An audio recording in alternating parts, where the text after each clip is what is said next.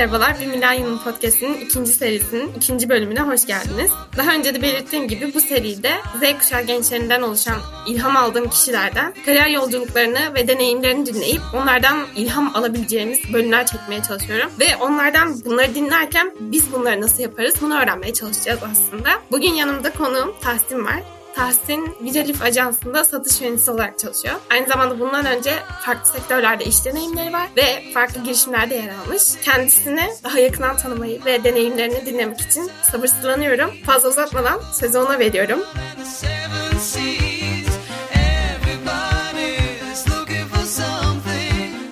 Selam Tahsin nasılsın? Ben çok iyiyim. Yani bir ay önce falan konuştuk seninle sanırım. Koordine olamamıştık bir şekilde. Bugün de bir saat rötarlı bir şekilde sonunda buradayım. Mutluyum yani. Seninle tanıştığım için de çok mutluyum. Öncelikle onu da belirttim. Ben de mutluyum ve aslında bu saatte geldiğin için de teşekkür ederim. Beni kırmayıp pazar gününün akşamında bana ayırdığın için. Rica ederim. İstersen önce senden seni tanıyayım. Ben böyle çok kısa bahsettim ama ne kadar biliyorum, ne kadar tanıyorum bilemedim. Tamam. Senden dinleyelim de. Tamam çok kısa bahsedeyim. Ben 1997 doğumluyum. Ordu Ünye'de doğdum. Liseyi yani 18 yaşına kadar Ünye'de yaşadım aslında. Daha sonrasından İstanbul'a geldim. İstanbul'da tabii ki de e, üniversite sebebiyle geldim. İstanbul Gelişim Üniversitesi Siyaset Bilimi ve Uluslararası İlişkiler bölümünde okudum. 4 sene boyunca. Bu sene Haziran ayında da mezun oldum. Bu şekilde kısaca. Şu an neler yapıyorsun? Yani çalıştığını biliyorum. Ondan biraz bahsedebilir misin? Tabii ondan bahsedeyim. Ya aslında çalışma hayatı yani üniversiteye ilk geldiğim sene bir sene boyunca hiçbir şey yapmadım. Onun dışında e, faal olarak çeşitli sektörlerde son 3 senedir de işte dijital e, sektörde işte veya girişimcilik sektörü, reklamcılık sektörü aslında tam olarak anlamı yok ama yani kelime anlamı yok öyle söyleyeyim.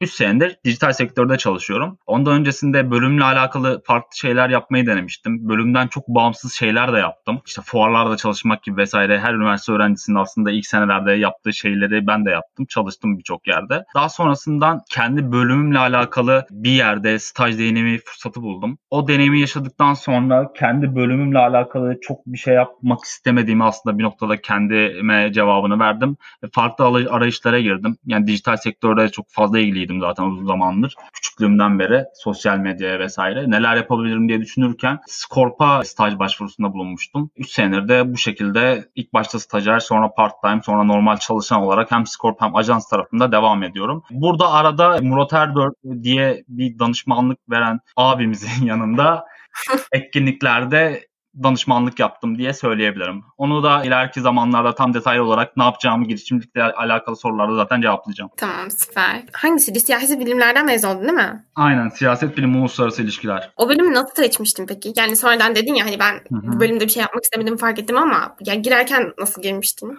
Ya şöyle söyleyeyim bizim ailemiz çok politik bir aile. Yani ben çok küçük yaşlardan beri bizim evde her zaman yani haber kanalları açık olur, tartışma, siyasi tartışma programları açık olur. Ve babamla çok küçük yaşlardan beri e, sürekli siyaset konuşuyorum bir noktada. Babam benimle sürekli konuşuyordu. Bir noktada çok politik bir ailede de büyüdüğüm için siyasete ve politikaya çok fazla ilgiliyim. Hala da ilgiliyim onu da söyleyeyim. Bu sebepten dolayı aslında siyaset birimini seçtim. Benim tercih yaptığım dönemde İstanbul'da devlet üniversitelerinde puanım yetiyordu aslında işletme iktisat bölümlerine. Marmara Üniversitesi, İstanbul Üniversitesi. İkinci öğretime yetiyordu sanırım İstanbul Üniversitesi. Tam net olarak hatırlamıyorum ama yani yetiyordu devlet üniversitelerine. Ben siyaset bilimini çok okumak istiyordum. O yüzden Gelişim Üniversitesi'nde siyaset bölümüne girdim. Yani siyaset bilimini seçmemin sebebi tamamen çok küçük yaşlardan beri çok politik bir ailede doğum büyümekten ötürü ve politikayla çok fazla ilgilendiğimden ötürü diye söyleyebilirim. Yani böyle küçüklükten bir ilgin olması güzel. Ben tamamen şey pompalanması böyle kızım doktor olacak falan diye.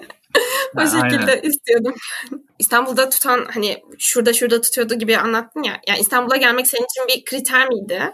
Kesinlikle kriterdi. Şöyle söyleyeyim. E, daha öncesinden işte benim ablam gelmiş zaten bir sene öncesinde. 96 doğumlu o da ben 97'liyim. Bir sene öncesinde ablam gelmişti İstanbul'a. İstanbul Üniversitesi'nde iktisat okuyordu. Yani o bana bir noktada şey oldu. Önümde örnek oldu. Yani İstanbul'a neden insanlar veya öğrenciler İstanbul'da üniversite okumalı gibisinden doğruların, yanlışlarını, eksilerini, artılarını ortaya koyduğum zaman yani çok iyi bölüm olmasa bile veya istediğim %100 istediğim bölüm olmasa bile İstanbul'da okumayı istedim açıkçası. O yüzden İstanbul'a geldim. O şekilde söyleyebilirim sana. Çünkü siyaset bilimi farklı illerde de tutuyordu devlet üniversitelerinde. Samsun'da tutuyordu yanlış hatırlamıyorsam. İstanbul'a gelmek istediğim için, daha çok fırsat olduğu için İstanbul'a geldim bir noktada. Yani o zaman iyi ki gelmişsin diyebiliriz. Aynen aynen ben de öyle diyorum. Çok yani iyi ki de İstanbul'a gelmişim. Yani iyi ki de yani kesinlikle şey yapmak istemiyorum. Yani kötülemiyorum işte Anadolu'daki diğer üniversiteleri vesaire ama yani İstanbul gerçekten yani Türkiye'de okuyup büyüyen her gencin bir şekilde tecrübe geçirmesini iste tecrübe geçirmesi gerektiği bir yer diye düşünüyorum. Yani çünkü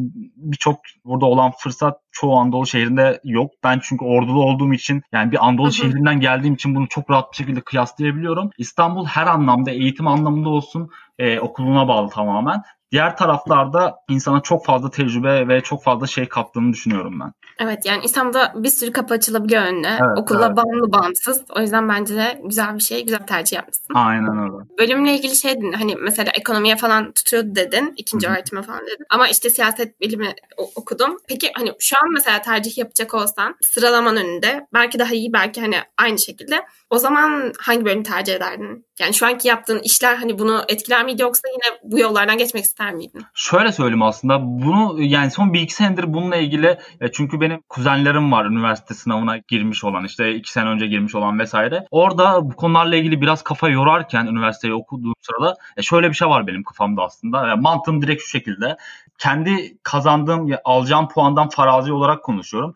Ben mesela bir puan yaptım. Bu X puan. Bu puan Boğaziçi Üniversitesi'nde tarih felsefe bölümlerine veya işte Anadolu'da atıyorum işte nereyi söyleyeyim Kocaeli'nde bir tane mühendislik fakültesine ediyor ya. Aynı eşlerde puanlar. Ben burada kesinlikle tercihimin Boğaziçi Üniversitesi'nde istemediğim bölüm olsa bile tarih, felsefe gibi o bölümde olacağını düşünüyorum. Çünkü bu noktada da şöyle bir düşüncem var aslında kafamda. Üniversite neden önemli? Çoğu üniversitenin kültürü var kültürü olması bir üniversitenin e, yani öğrenciyi, insanları yetiştirme noktasında çok önemli bir nokta olduğunu düşünüyorum. Kültürü olan üniversitelerde okumak öğrencilere her zaman diğer üniversitelerde okuyan öğrencilere göre 2x, 3x daha fazla katkı sağlayacaktır. Daha fazla ön plana çıkmalarını sağlayacaktır diye düşünüyorum. Katılıyor musun bana bilmiyorum ama bu konuyla ilgili. Ben dediğine katılıyorum. Çünkü şey ilk bölümlerde ben de hani böyle kendi üniversite tercih deneyimlerinden bahsetmiştim. O zaman yani bölüm olarak yanlış bir bölüm seçtiğimi düşünüyordum. Yani hani onu ifade etmiştim. Bence de yanlış bölüm dense yanlış üniversiteye gitmek daha büyük sıkıntı. Aynen. Çünkü dediğim gibi üniversitenin sana kattığı bakış açısı, sana kattığı çevre çok farklı oluyor. O yüzden bu konuda sana katılıyorum. Ama zaten mesela bunu söylesen mesela çoğu ebeveyne söylesen işte e, nerede mesela Kocaeli Üniversitesi bilgisayar mühendisliği tutuyor. Aa, anneme diyeceğim ki ben anne ben bilgisayar mühendisliği okumayacağım. İşte Boğaziçi'nde felsefe okuyacağım. Yani sen tahmin et yani buradan ebeveynlerin çoğu ailenin buna nasıl bir tepki vereceğini. Bir noktada ben yani gençlerin de çok iyi yönlendirildiğini düşünmüyorum ya. En azından beni çok fazla yönlendiren yoktu açıkçası. Vardı annem babam gayet bilgiliydi ama yeterince bilgili değillerdi. Hı. Bir şekilde buraya geldikten sonra İstanbul'a üniversite okumaya geldikten sonra birçok şeyin farkına vardım. O şekilde söyleyeyim. Aynen teknoloji çağında yaşıyoruz. İşte artık her şeye erişim çok kolay falan filan diyoruz ama kesinlikle evet. hala bence de o üniversite seçimi konusunda bilinçlenme noktasında eksiyiz. Yani ben de çok olmadı gireli zaten üniversite. Üçüncü sınıftayım şu an ama üç yıl önce girdim. Ya bayağı olmuşsun 3 sene. bayağı her şeyi çözmüşsün yani. Ve o zaman bile yani bırak annem baba. Annem babam tamam bilgiliydi ama ben bilgili değildim yani. Hiçbir evet, fikrim yoktu. Evet. Sadece bir video izleyerek falan seçtim bölümü böyle. Aynen. Öyle oluyordu genelde ya. Şey falan sen yani hangi senede girmiş oluyorsun? Ben 2018'de. GSLS döneminde mi oluyor peki? Yok yok. Bizim ben 2000 olduğu için her değişim döneminde denk geldim. Lisede de Aa, üniversitede evet. tam sınav değişimi zamanına denk geldim. O yüzden ben şeye girdim YKS'ye. YKS şeyler falan var mı? Benim zamanımda şey vardı mesela Onur Soğuk Hoca diye bir tane adam vardı Twitter'da onu çok takip ediyorduk. Böyle birkaç hmm. tane fenomen hocalar vardı. Var mıydı sizin zamanınızda öyle şeyler? Ben de şeyi takip ediyordum YouTube'da. Neydi ya? Gri Koç gibi bir şey vardı. Onu takip ediyordum. Ha. Her dönemde farklı şeyler oluyor doğru diyorsun. Aynen aynen. Yani Aynen. çok da şey olmadı ama hani takip ettiklerim de çok beni doğru seçimlere doğru yönlendirmedi. Orada bir şey oluyordu ya. Community oluyordu. Sen üniversite sınavına hazırlanıyorsun ya. O takip ettiklerin takipçileri yani %90 oranında hedef kitlesi direkt üniversite sınavına hazırlanan öğrenciler olduğu için orada o evet. community'ye dahil olmak insanı bir noktada motive ediyor. Beni en azından öyle yapıyordu. Yani ben aslında biraz şeydim. Beni tokatlaması için izliyordum aslında öyle şeyleri. Çünkü ya ben çalışıyorum ama diyorum hani bu yeterli değil gibi hissediyordum. Öyle noktalarda hani beni böyle motive edecek videolar hoşuma gidiyordu. Peki şey Scorp'ta falan çalıştığına bahsetmiştin. Oraya nasıl başvurdun? Yani orası sonuçta bir girişim diye geçiyor aslında. Şöyle ilk başta yani onu soracak mısın bilmiyorum ama ondan önceki deneyimlerimden bahsedeyim istersen. E, siyaset bilimiyle ilgili daha sonrasından diğer dünya ile ilgili yani halihazırdaki Scorp ve Viralif tarafından siyaset bilimiyle ilgili bir tane e, danışmanlık veren, danışmanlık diyorum, araştırma yapan bir tane kurumda iş yaptım. Yani iş yaptım derken staj yaptım. Çeşitli işte sosyolojik politik şeylerin, meselelerin analizini yapıyordu toplum nezdinde. Yani analizini yapıyordu dediğim bildiğin anket yapıyorlardı adamlar. Ve ona bir şekilde analizini yapıyorlardı o anket sonuçlarının. Orada çalıştım ben. Pek tatmin etmedi açıkçası beni ortam. Yani iş okey bir yere kadar zaten tatmin etmemiş olabilir ama çalıştığım ortamı çok fazla sevmemiştim. Yaş ortalaması çok yüksekti çünkü. Ondan sonra farklı arayışlara girmeye başladım. Murat Erdör diye biriyle tanıştım. Murat Erdör bundan işte 25 sene önce falan yani 25 senelik bir kurumsal hayatı olan Doğuş Holding'den tutun yani birçok farklı büyük şirkette çalışmış ve 25 senenin sonunda kendi danışmanlık, dijital danışmanlık şirketini kuran biri. Onun yanında staj yapmaya başladım. Staj tarafı aslında şu şekilde ilerliyordu. Murat Erdör girişimcilik adı altında haftada iki tane etkinlik düzenliyordu. Ve bu etkinliklere çeşitli startuplardan insanları davet ediyordu. İşte girişimcilik ekosisteminden insanları davet ediyordu. Ve çok fazla katılım oluyordu. Koç İntimasyon Merkezi'nde oluyordu zaten bu etkinlikler. Bu etkinliklerde ben aslında gelenlere karşılama, işte çok basit şeyler yapıyordum aslında bir noktada. Ama ben o basit şeyleri yapmak için değil de oraya gelen insanlarla tanışmak, network yapmak için o etkinliklere katılıp Murat abiye o şekilde yardım ediyordum. Ve yani şöyle söyleyeyim ya iyi ki de orada çalışmışım. Bana çok fazla katkısı oldu çünkü yani yaklaşık 6 ay falan çalıştım sanırım. 6 ayda 30'dan 40'tan fazla etkinliğe katılmışımdır bu şekilde çalışan olarak. Ve yani onlarca insanla tanıştım. Aşırı network yapmış oldum orada. Ya bu bana çok fazla katkısı oldu. Çünkü biliyorsun ki yani girişimcilik dünyasında yani network gerçekten çok önemli bir şey. Network açıyor çünkü bir kapıyı kapatıyor ve bir kapının açılmasını bir şekilde kendi çabalarından ziyade networkler çok fazla katkı sağlayabiliyor. Bu taraf bu şekilde bitti. Skor tarafına nasıl dahil oldum ondan bahsedeyim de kısaca. Murat abiyle birlikte çalışırken, Murat Erdöğür'le birlikte çalışırken yine farklı staj ilanlarına başvuruyordum ben. Orada Scorp'un ön satış ekibi için bir stajyer ilanı gördüm Utol aracılığıyla, Utol internet sitesinden. Ona başvurdum. Zaten Scorp yani hali hazırda ilk kurulduğu zamandan beri ya onlarca stajyer çalıştığımız bir şirket. Üniversitelerden olsun veya dışarıdan olsun çok fazla stajyer çalıştıran bir şirket ve bu noktada yaş ortalaması, çalışan yaş ortalaması inanılmaz düşük. Şu an halen bile yani ajans tarafıyla uygulama tarafında 90 kişi çalışıyorsa totalde ortalama yaş 24, 23, 25 o civarlardadır. Yani çok genç bir ekip. O şekilde Scorp'a dahil oldum. Zaten benim dahil olduğum zaman da Scorp app'in son zamanlarıydı aslında bir noktada. Ben çok fazla Scorp uygulamasının içerisinde yer almaktan ziyade ajans tarafında, influencer marketing ajans tarafında, Viralit tarafında daha çok aktif oldum. Ön satış ekibinde staj yaptıktan sonra yani bir noktada orada kalmayı başardım mı diyeyim aslında. Buna böyle mi denir bilmiyorum ama bunu yüzden söylüyorum. Çünkü onlarca stajyer çalışıyor Scorp'ta, Viralif'te. E, birileri bir noktada kalıyor ve full time çalışmaya devam ediyor. Çünkü çalışanların birçoğu ilk başta stajyer olarak başlamış. Daha sonrasından ekiple arasındaki bağ çok fazla kuvvetlenip normal çalışmaya devam etmiş insanlar. O yüzden ben de çalışmaya, normal çalışmaya devam eden insanlardan biriyim. Bu şekilde kendimi çok fazla şanslı olarak addediyorum insanlara. Böyle söyleyebilirim. Bence güzel olmuş. Dediğin gibi yani böyle girişim ekiplerinde genç bir yaş ortalamasının olması öğrencileri çok çok etkileyen, evet. çok böyle heyecanlandıran iş hayatı aslında şeyler. Bence aşırı önemli. Ya benim çünkü şu anda hali hazırda yeni mezun olup çalışma hayatına başlayan arkadaşlarım var. Mesela bir tane psikolog arkadaşım var Emre. Şimdi onun çalıştığı kurumda yaş ortalaması aşırı yüksek. 35-40 yaşlarında insanlar çalışıyor ben şimdi aramızda konuşuyoruz böyle arada işte ne yaptın işte nasıldı vesaire. Ben kendi bizim ofiste yani ofiste demeyeyim zaten şu an remote çalışıyoruz da ekipte e, geçen işte muhabbetleri bazen işte aktarıyorum. Aa şöyle bir şey oldu vesaire. İşte o da bana şöyle tepki veriyor. Ne güzel işte ne güzel işte muhabbetler geçiyor. Bizim e, iş yerinde böyle şeyler hiç olmaz falan. O yüzden bayağı iyi bir şey ya gerçekten kendi yaşıtlarınla birlikte çalışmak profesyonel hayatta çok iyi bir şey bence. Aynen ben de yani bizim ekipte de Atakan var. Zaten bizim ekipteki Aynen. kişiler de hani hem genç hem de böyle yeni nesil şeylere çok dinamik bir şekilde kabul ediyorlar, kullanıyorlar falan. Bu şekilde bir ekipte olduğum için ben de böyle insanları anlattıkça çok imreniyorlar var. Bazen nazara geldiğimi hissediyorum. aynen aynen. Ya şanslıyız ya bir noktada öyle söyleyeyim. Yani şanslı, bu, en azından bu konuyu hakkında şanslı olduğumuzu düşünüyorum çalışan yaş ortalaması ile ilgili. Aynen ama yani şöyle de bir şey var. Sonuçta sen bir ekibi girdiğinde senin kimya ne kadar tutuyor o önemli. Hani e, verilen Kesinlikle. maaş işte yaptığın pozisyon falan değil de aslında ekibe ne kadar katkı sağlayabiliyorsun. Onların iş yükünü ne kadar alabiliyorsun o çok önemli. E, o yüzden yani sen katılıp ekipteki iş yükünü alıp ve gerçekten çalıştığın için aslında yani ben bunun çok şans olduğunu düşünmüyorum bence. Sen hak etmişsin oradaki yerini.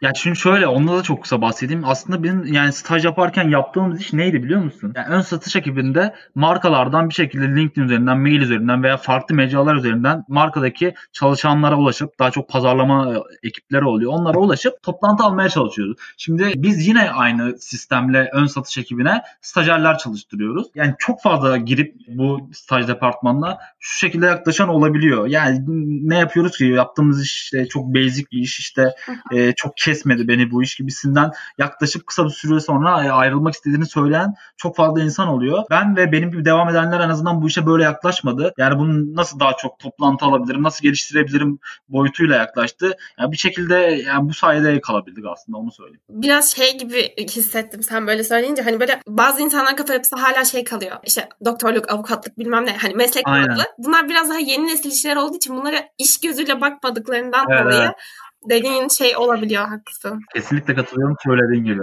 Doğru bir çıkarım yani. Süper yani şu ana kadar böyle ilk kısımda intro kısmında sana sorabileceğim tüm soruları sordum. Seni tanıdık, işi deneyimlerini Süper. gördük. Şimdi formatta olan acımasız sorular kısmına geçiyorum. Hazır mısın? Geçelim. Hazırım. hazırım hazırım. Çok hazırım. Ya bu kısmı aşırı hazırım öyle söyleyeyim sana. Çok iyi. Hiç cevap veremiyormuşum. Şimdi kalıyormuşum falan.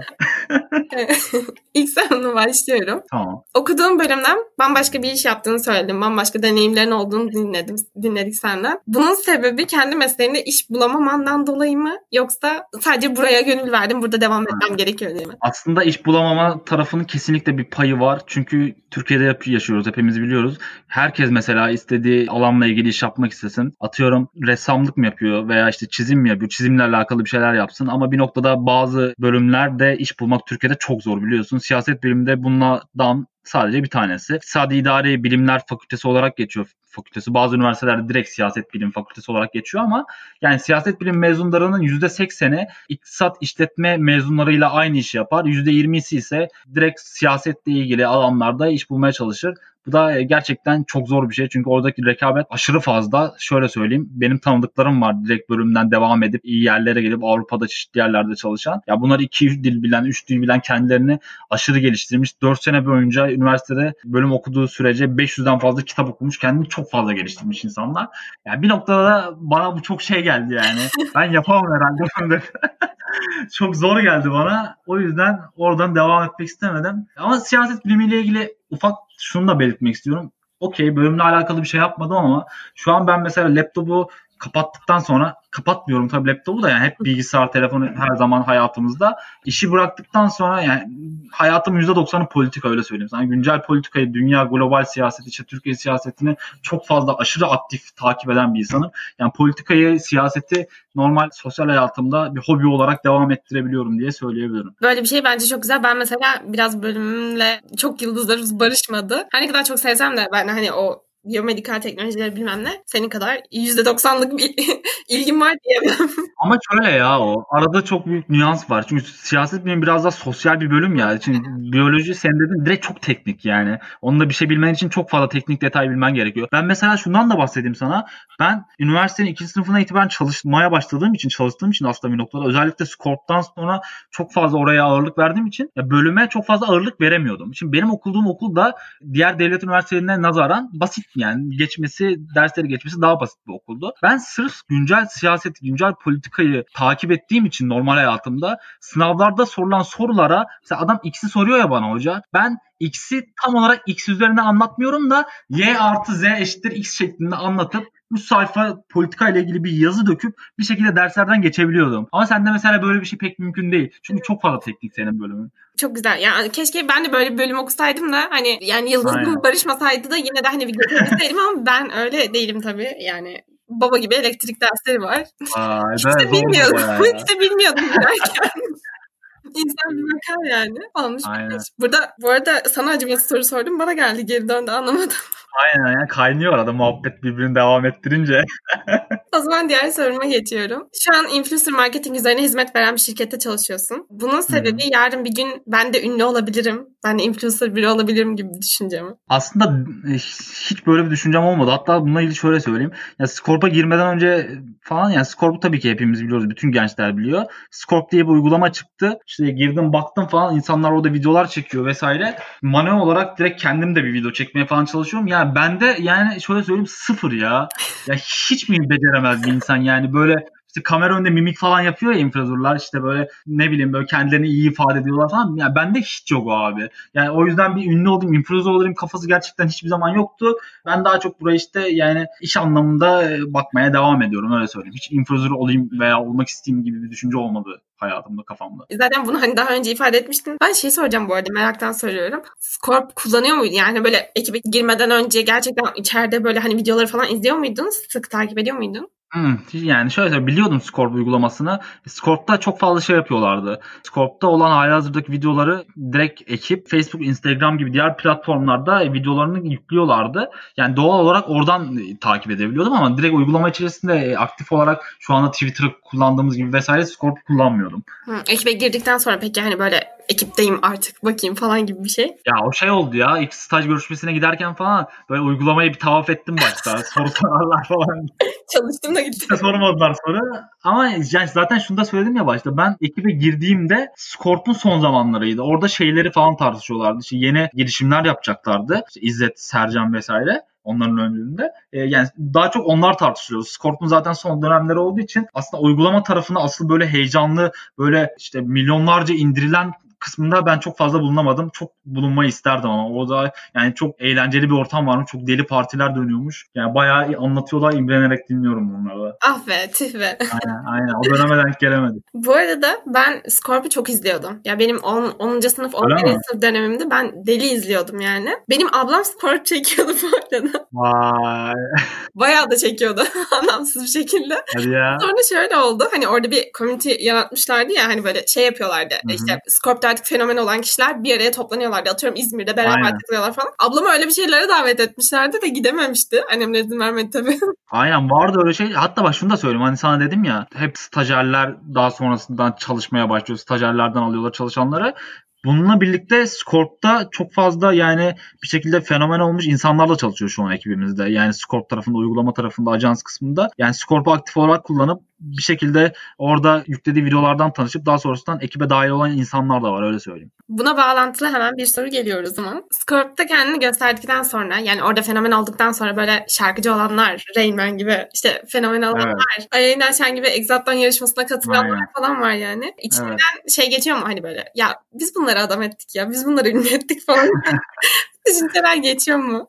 Bu soruya da şöyle cevap vereyim. Yani zaten daha önce de bahsettim. Ben Scorp'un son dönemlerine dahil olmuştum. Bunu bu yüzden içeriden biri olarak değil de dışarıdan gözlemlediğim kadarıyla yorum yaparak aktarayım sana. Yani şimdi biliyorsun her sosyal medya mecrası platform bir şekilde kendi içerisinde popüler insanlar yaratabiliyor. Scorp da zamanında bunu başardı. Yani kendi içerisinde fenomen diyebileceğimiz insanları bir noktada çıkarttı. Scorp'ta paylaştığı içerikler sayesinde popüler olan çok fazla insan var. Bu insanlar Scorp'tan sonra kendilerini kendilerini geliştirerek yani kitlelerini farklı mecralara işte Instagram olsun, YouTube olsun farklı mecralara taşımayı başardılar bir noktada. Bu yüzden tamamen Scorp sayesinde de değil, influencer tarafı sayesinde değil. Yani orada %50 %50 diyebilirim. Yani Scorp olmasaydı belki farklı mecradan da ünlü olabilirlerdi. Veya işte influencerlar ne bileyim Scorp kapandıktan sonra hala kendi takipçi kitlesini farklı mecralara taşıyamayabilirdi.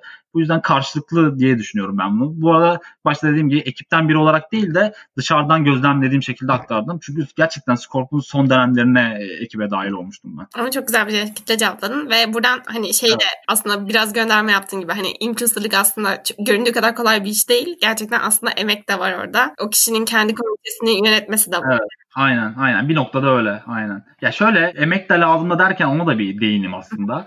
Ya şimdi gerçekten çok fazla takipçisi olup çok böyle yani boktan diyebileceğim içerik üreten insanlar da var. Yok değil hepimiz biliyoruz yani. İsim vermiyorum tabii ki de burada da yani Öyle insanlar da var yani bu adam bunu yapıp nasıl bu kadar takipçi kazanmış? Ya adam o kadar takipçi kazanıyor bir de çok fazla markalarla çalışabiliyor vesaire.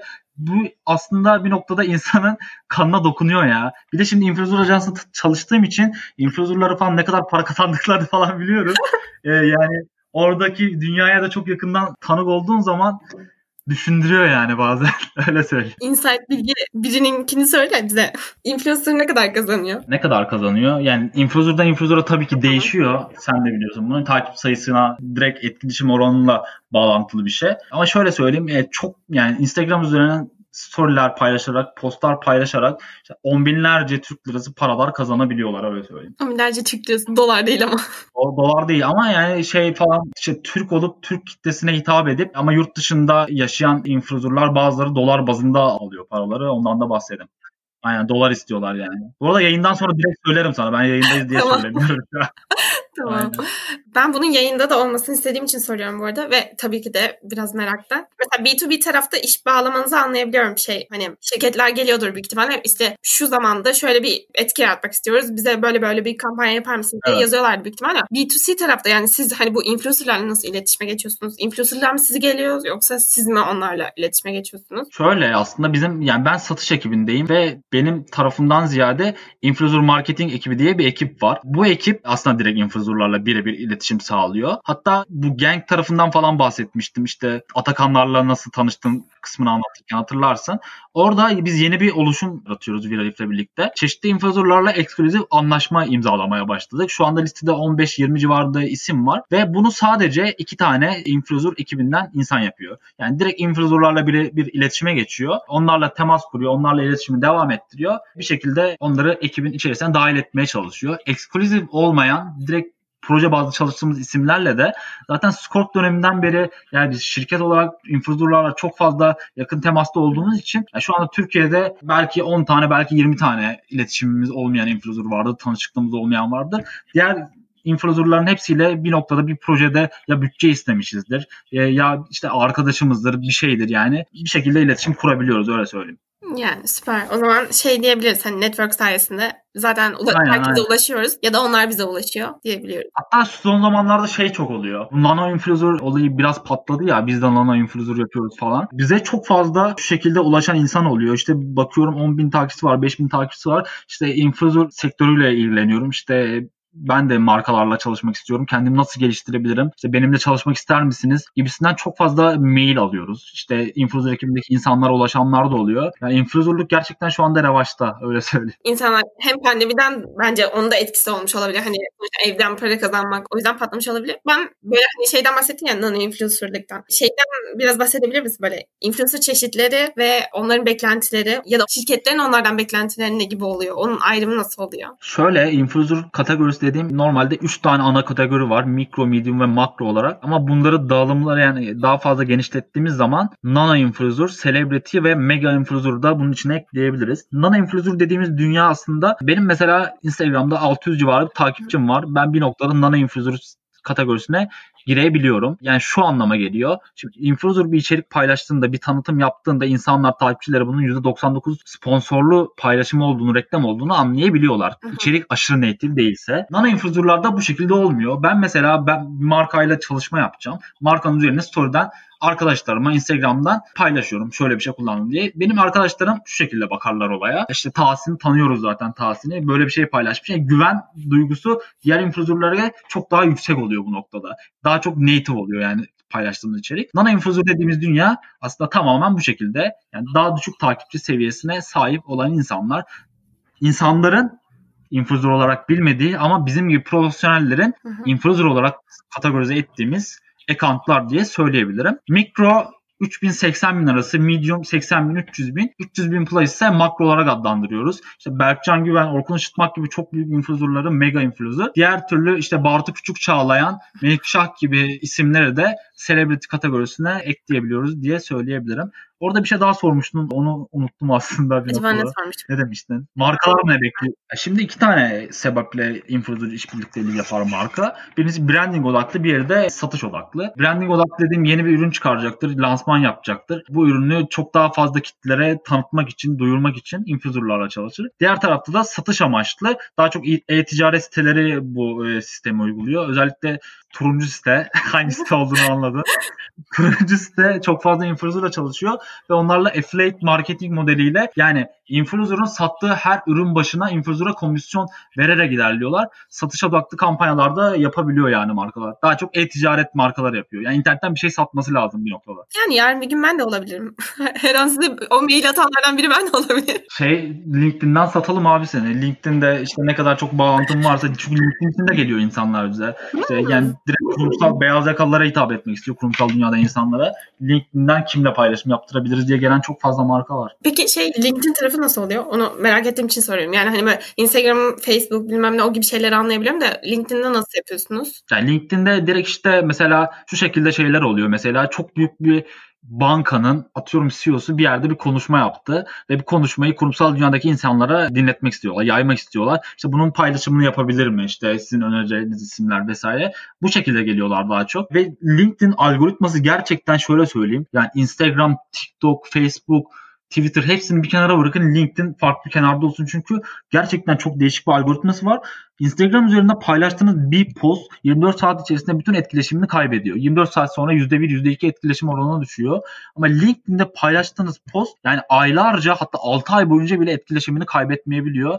Hala etkileşim almaya devam edebiliyor. O yüzden LinkedIn algoritması diğer mecralara göre çok farklı ve daha çok etkileşime kapısı açık bir mecra. Yani şöyle insanlar sen LinkedIn account'un üzerinden insanlara ne kadar etkileşim verirsen bir noktada ne kadar görünür olmaya çalışırsan o kadar gönderilerin çok fazla ön planda çıkarıyor LinkedIn diye söyleyebilirim. Ya bir de şöyle bence orası biraz daha hani kariyer ve iş odaklı olduğu için de olabilir. Hem gençler hem beyaz yakalılar ya da çalışan insanlarda ya da girişimcilerde herkes orayı böyle gerçekten bir amaç uğruna kullanıyor ve orada paylaşılan şeylere daha çok etkileşim gelmesi daha olanaklı oluyor. Yani mesela Instagram'da gezerken artık bir andan sonra sıkılıyorsun, beğenmiyorsun bir şeyleri ama LinkedIn'de herhangi bir şey okuduğunda ya bari bu kadar okudum en azından beğeneyim gibi böyle bir şey.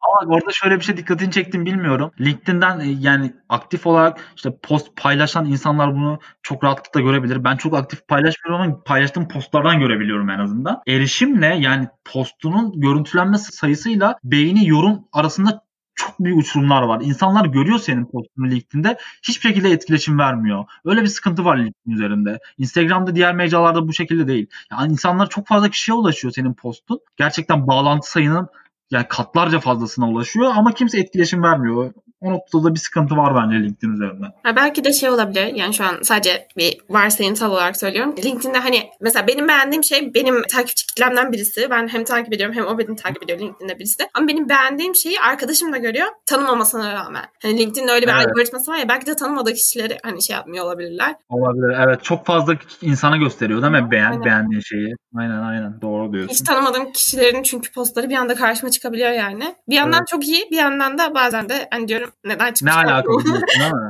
Bu alakasız şeyler görüyorum ben de ya. LinkedIn nereye döndü abi? Muhabbeti falan. LinkedIn evet. Facebook. Oldu aynen. Peki şey soracağım bir de. Bunu da büyük ihtimalle başa falan koyarız. Mesela markalar sadece reklam içinde geliyorlar mı size? Yani mesela atıyorum Instagram'da odaklı reklam çıkmak istiyorum. Hani direkt bir inf- influencer'la değil ama reklam o kampanyasını yapmayı bilmiyor. O yüzden gelen olan, olanlar oluyor mu yani? Şöyle biz ajans olarak yani operasyonumuzun %80'ini influencer marketing üzerine döndüren bir ajansız. Ama bunun yanında %20'lik kısımda işte app performance, seeding, Instagram, Facebook gibi mecralardan medya desteği, sponsorlu içerik paylaşımı da yaptırıyoruz. Şu an mesela bir tane markamız var. Medya planlaması yapıyoruz. İşte Instagram üzerinden reklam veriyoruz. Üniversite zamanlarında bir tane her sene çalıştığımız bir tane üniversite var müşterimiz. Onlara da Instagram, Facebook gibi platformlardan sponsor reklamlar çıkıyoruz. Ama genel olarak yani bir marka bize geldiğinde yani ben böyle bir şey istiyorum. İşte benim panelimi yönetebilir misin? Benim Instagram, işte Facebook reklamlarını yönetebilir misin dediğimde Yani şöyle bizde bizim yapmayacağımız hiçbir şey yok yapıyoruz ama yani bunun için gelmiyor çoğu insan. Yani çoğu insan diyorum pardon çoğu marka direkt influencerlarla çalışmak için geliyor öyle söyleyeyim. Ha, o kısımları kendileri cover ediyorlar ama influencer noktasında Aynen. daha hakim değiller. Aynen. Herkes kazanıyor bu durumda. O yüzden. Yani yani yani. Acımasız sorulara çok yumuşak cevaplar verdin. O yüzden Evet. dediğim o e, hazzı alamadım ama çok güzel cevaplar verdin. Evet. Teşekkür ederim. Orada şey bekliyordum değil mi benden? O fenomen sorusu falan. Evet biz var ettik onu. biz siz bir şey olamazlardı. Yok abi o malzemeyi verdim sana. Almak istediğim cevapları alamadım. Evet öyle.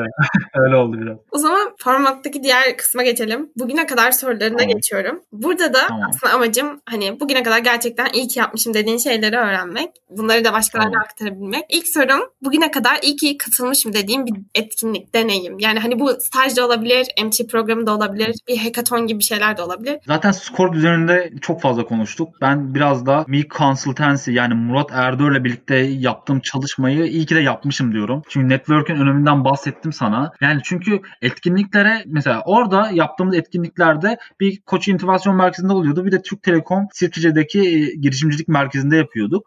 Ya Hı. 3 tane ortalama startup geliyordu ve biletleri satın alan zaten biletler ücretsizdi. insanlar dinleyici olarak geliyordu. Yani oraya gelen insanların %90'ı girişimcilik dünyasından insanlar olduğu için mükemmel bir network yapma imkanı buldum orada. Çok fazla insanla tanıştım. Ya insanlarla daha çok sohbet etmeye başladığım zaman özgüvenim daha fazla yerine gelmeye başladı. Özgüvenim artmaya başladı. Çünkü insanlarla adam yani bildiğin işte startup kurmuş. işte şu anda startup'ı işte milyonlarca dolar değerinde ve bu adamla şey orada tanıştım ben.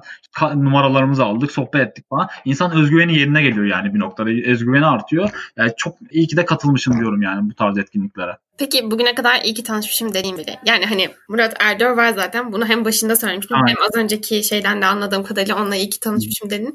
Onun Evet. gibi böyle iyi ki tanışmışım dediğim biri. Bu bir arkadaş da olabilir. Hani bu bir patron da olabilir. Anladım. Ya arkadaşlarım zaten yani şöyle bir arkadaş çevrem benim çok fazla arkadaşım var ama yani sosyal hayatta görüştüğüm dört tane çok yakın arkadaşım var. Ana sınıfından beri, ilkokuldan beri arkadaş oldum. Onları tabii ki de iyi ki de tanışmışım. Ondan hiç bahsetmeyeceğim. Onun haricinde Batu, Batu uğrası ya Batu ile iyi ki tanışmışım. Çünkü şöyle bir artısı oldu Batu'nun bana. Hem normal bir iş dışında sosyal hayatta da çok fazla vakit geçirdik. Yani yurt dışına bile gittik birlikte öyle söyleyeyim gezmeye. Batu'nun şöyle bir yaklaşımı oluyordu çok fazla güveniyordu. Yani ben bir internüm değil mi sonuçta Hı. şirkette veya part time'ım. Ne kadar sorumluluk verebilirsin bir insana? Ya diğer şirketlerde görüyorum çalışanları, staj yapan arkadaşlarımı. Yani onların aldığı sorumlulukla benim aldığım sorumluluğu kıyasladığım zaman benimki dağlara falan ulaşıyor yani. Ben bildiğin üniversite 3. sınıftayım. İşte hocadan izin alıyordum, dersten çıkıyordum. Metrobüsle okulum avcılardaydı. Ümraniye'ye gidiyordum. Ümraniye'de işte çok büyük firmaların, çok büyük markaların marketing ekibindeki insanlarla toplantı yapıyordum yani. Bana bu şeyi veriyor yani sorumluluğu veriyor. Yani çoğu insan yapmıyor bunu. Bu yüzden bu tarz sorumlulukları bize güvenerek, bana ve ekibimdeki arkadaşlara güvenerek verdiği için Batu ile iyi ki de tanışmışım diyebilirim. Ha, süper. Bu arada hangi ülkeye gitmiştiniz? Nereye gitmiştiniz? Amsterdam'a gittik, Hollanda'ya gittik. Geçen sene aynen. Geçen sene Ekim ayıydı sanırım. Vay be süper çok şey yaptım. Bu arada bizim buraya geliyor musun? Ümraniye'ye geliyor musun? Ümraniye'ye çok geldim zamanında ya. Orada çok fazla şirket var biliyorsun. Aynen. Yani Ümraniye Anadolu yakasının şeyi Kozyatağan ile birlikte Maslak Levent tarafına tekabül eden bir yer sanırım. Evet. Çok fazla geldim oraya. Ve şöyle söyleyeyim yani nasıl geliyorum? İşte yani o dönemde yani pandemi girmeden önce sana şöyle söyleyeyim Ulyana. Sürekli toplantıya gittiğim için Hı hı. ya İstanbul'a gitmediğim yer kalmadı ya. Otobüste falan nerelere gidiyorum bir bilsem var ya taksiye binen otobüsümü bildiğin İstanbul tavaf ediyordum. Bütün Caner var benim. Benle aynı dönemde girmişti. Ya bildiğin ikimiz birlikte haftanın her günü İstanbul tavaf ediyorduk. Ya alakasız bir markam var. Nerede? İşte atıyorum Sultanbeyli'de. Sultanbeyli'ye gidiyorduk abi. Hiç affetmemiz yok yani. Her yere gittik öyle söyleyeyim sana. Süper yani bunlar zaten hem çok güzel deneyimler hem de bunları yaptığınız için belki de ya da hani bu işi verdiğiniz için de zaten bu kadar çok sorumluluk size vermiş olabilirler. Evet. O noktada Aynen. bence de güzel. Bu arada ben de Batu'yu bir konuşmasını dinlemiştim. Üniversitede mi? Çok Aynen, yapıyor. Aynen. İstanbul Teknik Üniversitesi'nin bir etkinliğinde dinlemiştim. Bayağı hani böyle şey Aynen. mest olmuştum dinlerken. Vay be falan demiştim. Evet. Etkiliyor insanı ya. Yani konu konuşması falan konuşmayı çok seviyor zaten. Çok fazla yani sen katılmışsın. Bu arada staj yapmadan önce ben de Bilgi Üniversitesi'nde miydi tam hatırlamıyorum ama bir tane konuşmasına katılmıştım Batu'nun yani. Benim jenerasyonumda zaten öyle bir şey var biliyor musun? Jenerasyonumdan ziyade işte böyle çok fazla konferanslara giden insanlar bir noktada illaki Batu'nun konferansına gitmiş oluyor yani. Öyle bir ortak fayda bulabiliyoruz. Süper. Diğer sorum bugüne kadar iyi ki kendimi geliştirmişim dediğim bir alan ya da iyi ki şu yetkinliği kazanmışım çünkü bu bana gerçekten hani işime yarıyor dediğim bir şey. Şu bence ne kadar yerinde bir cevap olur bilmiyorum ama yani aslında bunu mu soruyorsun tam olarak emin değilim ama ya araştırma yapmak. Araştırma yapmak tamamen şundan kastediyorum. Ya ben gerçekten yani çok büyük bir özellik olmayabilir ama çoğu insanın bunu yapmadığını gördüğüm için kendimde çok fazla pozitif ayrıştığını düşünüyorum. Yani bir şeyi bir problemimle karşılaştım veya bir soru geldi kafama. Bunu kesinlikle başka insanlara sormadan yani Google'da veya farklı platformlarda araştırıp bunun cevabını bulana kadar çok fazla ısrar ediyorum o noktada. Alakasız gece 2'de uyumadan önce mesela bir şey gördüm değil mi Twitter'dan? Bir tane tweet gördüm. Spesifik çok farklı bir konuyla ilgili. Abi o konuyu mesela kafama takılıyor ya benim. Saatlerce alakasız Google'da o konuyla ilgili araştırma yaparken kendimi bulabiliyorum. Yani öyle bir özelliğim var. Bu da bana çok fazla şey kattı bu sayede arkadaş ortamında çok fazla satabileceğim bilgi kafamda yer etmeye başladı öyle söyleyeyim sana. Bence süper ve hmm. hani tam olarak karşıladı bu sorumun cevabını diyebilirim. Ve araştırmanın gerçekten hani çok önemli olduğunu ben de biliyorum.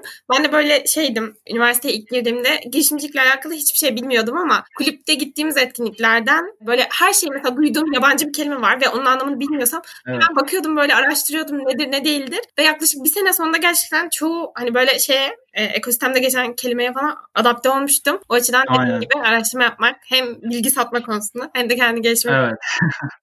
ya şunu da söyleyeyim araştırma yapmak şöyle de bir ince nokta var. Şimdi bizim ana dilimiz Türkçe biliyorsun ama Hı. internetteki bilginin %90'dan fazlası İngilizce. Aynen. Yani bir noktada çoğu konuyla ilgili Türkçe içerik çok fazla yetersiz kalıyor. Ya yani İngilizce bilmek bu noktada insanlarla iş dünyasında konuşabilmekten ziyade yeni şeyler öğrenebilmek adına İngilizce bilmek aşırı önemli olduğunu düşünüyorum. Yani şöyle söyleyeyim sana. YouTube'da, YouTube diye bir platform platform var ya. YouTube'a how to make işte ne arıyorsan onu yazarak her şeyi öğrenebiliyorsun. Ama mesela Türkçe'de pek mümkün değil çünkü içerik sayısı kısıtlı. İngilizce bu yüzden de çok önemli araştırma konusunda. Evet kamu spotumuzu da verdiğimize göre. evet kamu spotunu da verdi. Aynen. Ama çok katılıyorum yani. Özellikle İngilizce içerik olarak derya deniz her şeyi bulabiliyorsun yani. Evet aynen her şeyi bulabiliyorsun ya. Gerçekten öyle. O zaman hızlı sorulara geçiyorum. Geçelim. Bugüne kadar sorularını çok güzel bir şekilde cevapladın. Eminim buradan kendine insanlar çok güzel notlar çıkarırlar. Hızlı sorularda ilk sorum. Spotify mı Netflix mi? Spotify. Instagram mı Twitter mı? Bunu bir influencer marketing yapan birine sormam ve bunun cevabını çok merak ediyorum. Sence ne, ne derim sence? Instagram mı derim sence?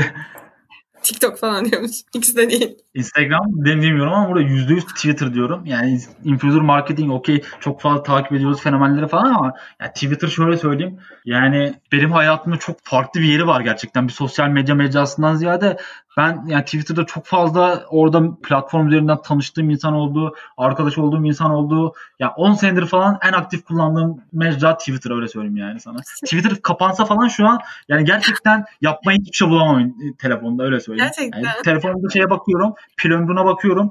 Yani 4 saat 5 saat ben %80'ini Twitter'da harcamışım. Çok fazla takip ediyorum Twitter'ı. Ya bunun bir nedeni şey de olabilir. Hani politikaya çok ilgiliyim falan dedim ya. Birçok konu yani Twitter'da yaşanıyor. Twitter'da evet. anlatılıyor. Onun da etkisi olabilir. Twitter yani en çok kullandığım mecra. O yüzden kesinlikle Instagram mı Twitter mı Twitter diyorum. Ben Instagram cevabını bekliyordum bu arada.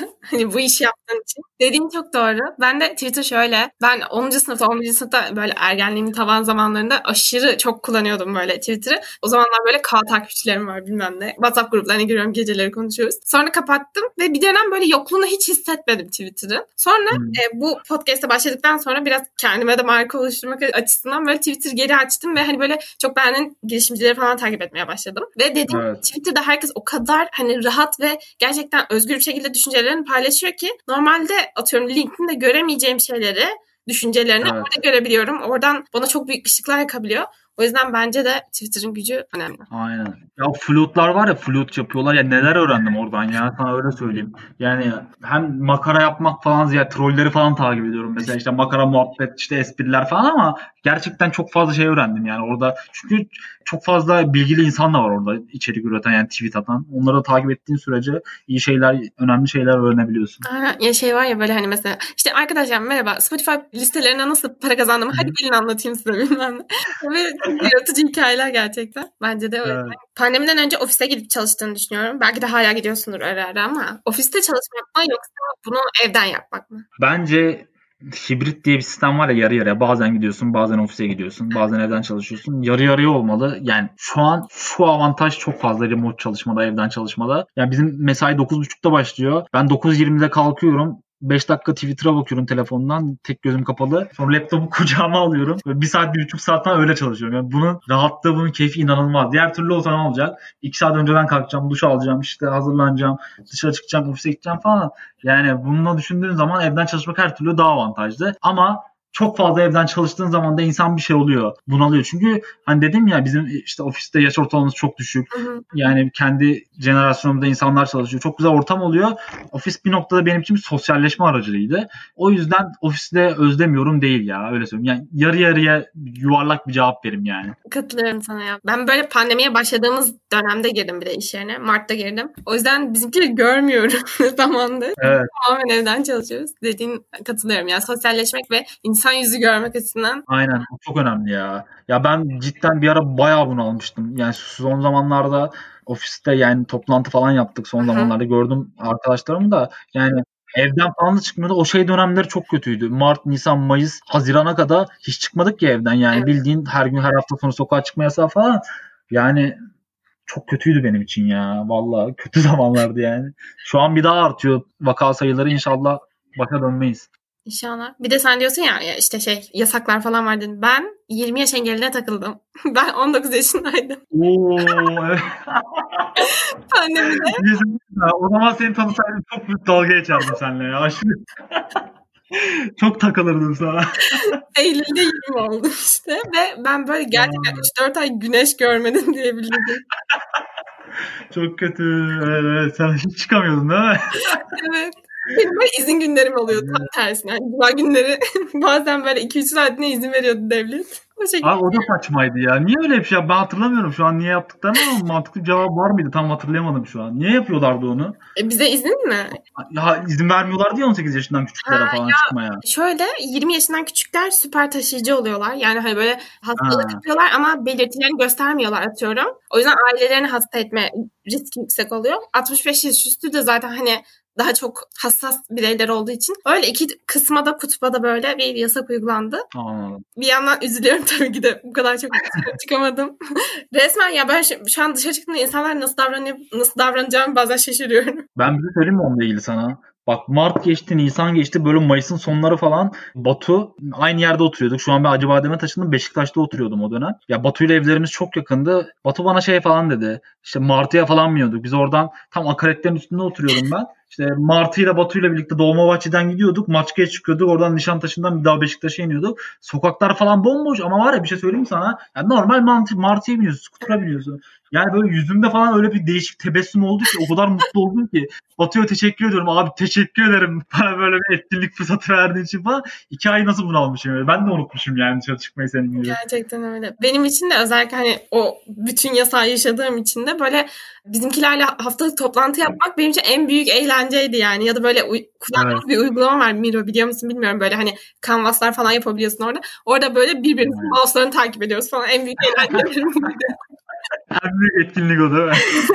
Peki sabah çalışmak mı akşam çalışmak mı? Sabah çalışmak, akşam çillemek yani yüzde yüz. Akşam çalışmayı hiç sevmiyorum. Akşam boş yapacağım abi. Yani evdeysem bile böyle YouTube'da salak salak videolara dalıp veya alakasız yerlerde va- va- vakit öldürüyorum. Sabah çalışmak o yüzden her türlü. Peki bundan önce bir girişimde çalışıyordun. Yani hala devam ediyorsunuz gerçi Scorp'ta. Evet. Hani bir Relief Ajansı da aslında bir girişim gibi çalışıyor diyebiliriz. Hani bir ajans olmasına rağmen sonuçta bayağı çevik bir şekilde Aynen. hizmet sunuyorsunuz. Onu şöyle söyleyeyim. Evet bir girişim bir noktada. Çünkü diğer ajanslar gibi çok büyük sermayelerle üretilmiş değil. Bir girişimin sonucunda oluşturan farklı bir girişim bir noktada. Doğru diyorsun. O zaman şöyle soruyorum. Girişimcilik mi yoksa kurumsalda çalışmak? Girişimcilik mi, kurumsalda çalışmak paraya göre değişir ya.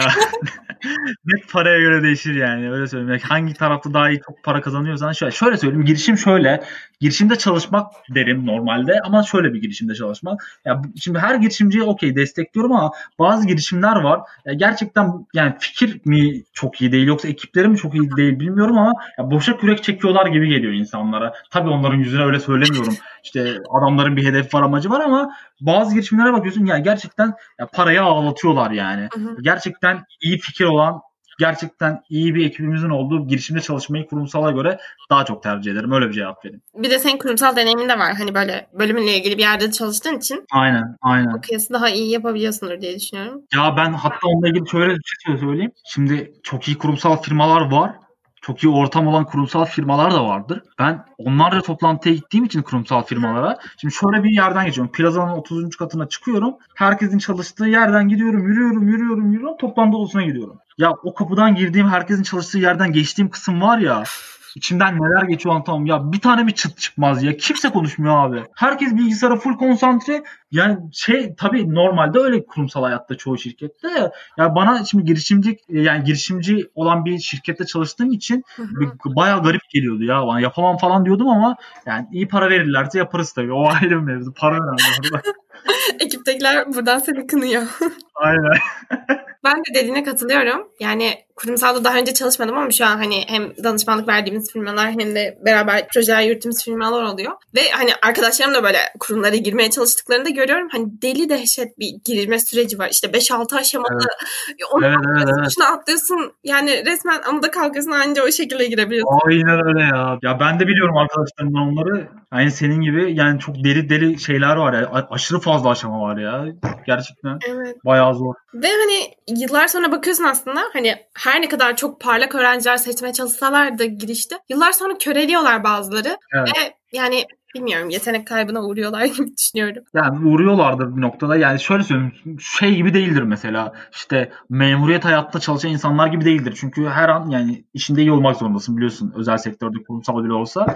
Ee, ama yani girişimcilik dünyasından kıyasladığın zaman körelme olarak daha fazla körelme vardır. Girişimcilik dünyası çünkü biliyorsun yani sürekli farklı şeyler var. Yani sürekli farklı bir şeyin içindesin. Mesela en basitinden kendi çalıştığım ajansla ilgili bir şey söyleyeyim. Bir sene önce TikTok diye bir şey çok popüler olmaya başladı. Ya TikTok'un içine girmeye başladık. Yani TikTok'tan fenomenleri şey yapıyoruz.